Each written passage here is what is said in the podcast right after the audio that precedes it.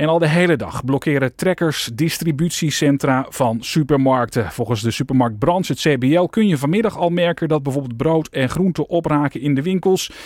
Verslaggever Vera IJsink is bij het distributiecentrum van Albert Heijn in Geldermalsen. Uh, Vera, we horen verhalen dat bij sommige distributiecentra de trekkers zijn vertrokken, maar dat is bij jou niet het geval, hè? Nee, ik sta nog tussen de trekkers en uh, ja, ik sta ook bij een hek. En daar kan ik spreken met een vrachtwagenchauffeur die gedupeerd is. Ronald uit Nunspeet, kom maar iets dichter bij dat hek. Ja. Want ik kan natuurlijk niet bij je komen. De boel is geblokkeerd. Ja, wat betekent dat voor jou? Wachten, geduld hebben. En het mooie is, hij heeft even gebruik gemaakt van die wachttijd. Want wat heeft u gedaan? Ik heb net 8,5 kilometer uitgelopen. Ja, en gedoucht bij Simon Loos. Even bij een ander bedrijf gedoucht. Maar wat vindt u van deze actie? Dat u als vrachtwagenchauffeur hier het terrein niet af kan in Geldermalsen? Ja, dat heeft twee kanten. Ja, voor mij dat ik moet wachten en geduld moet hebben.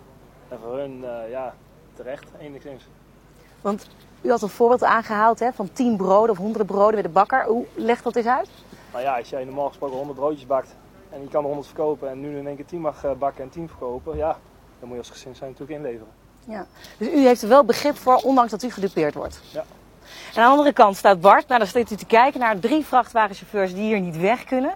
Bart Belser, ja, ook verzwaar dat niet richting de supermarkt kan.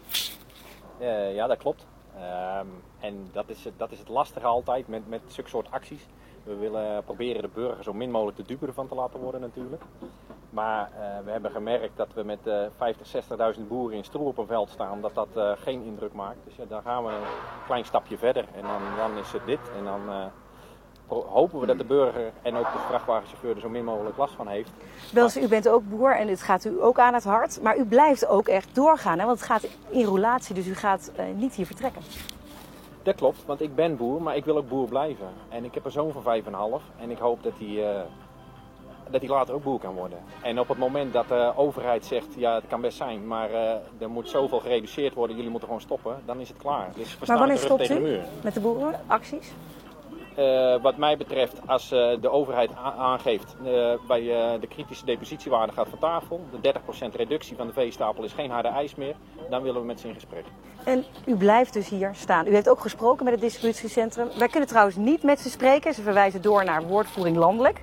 Maar wat is er hier besproken met de gedupeerden en met de politie?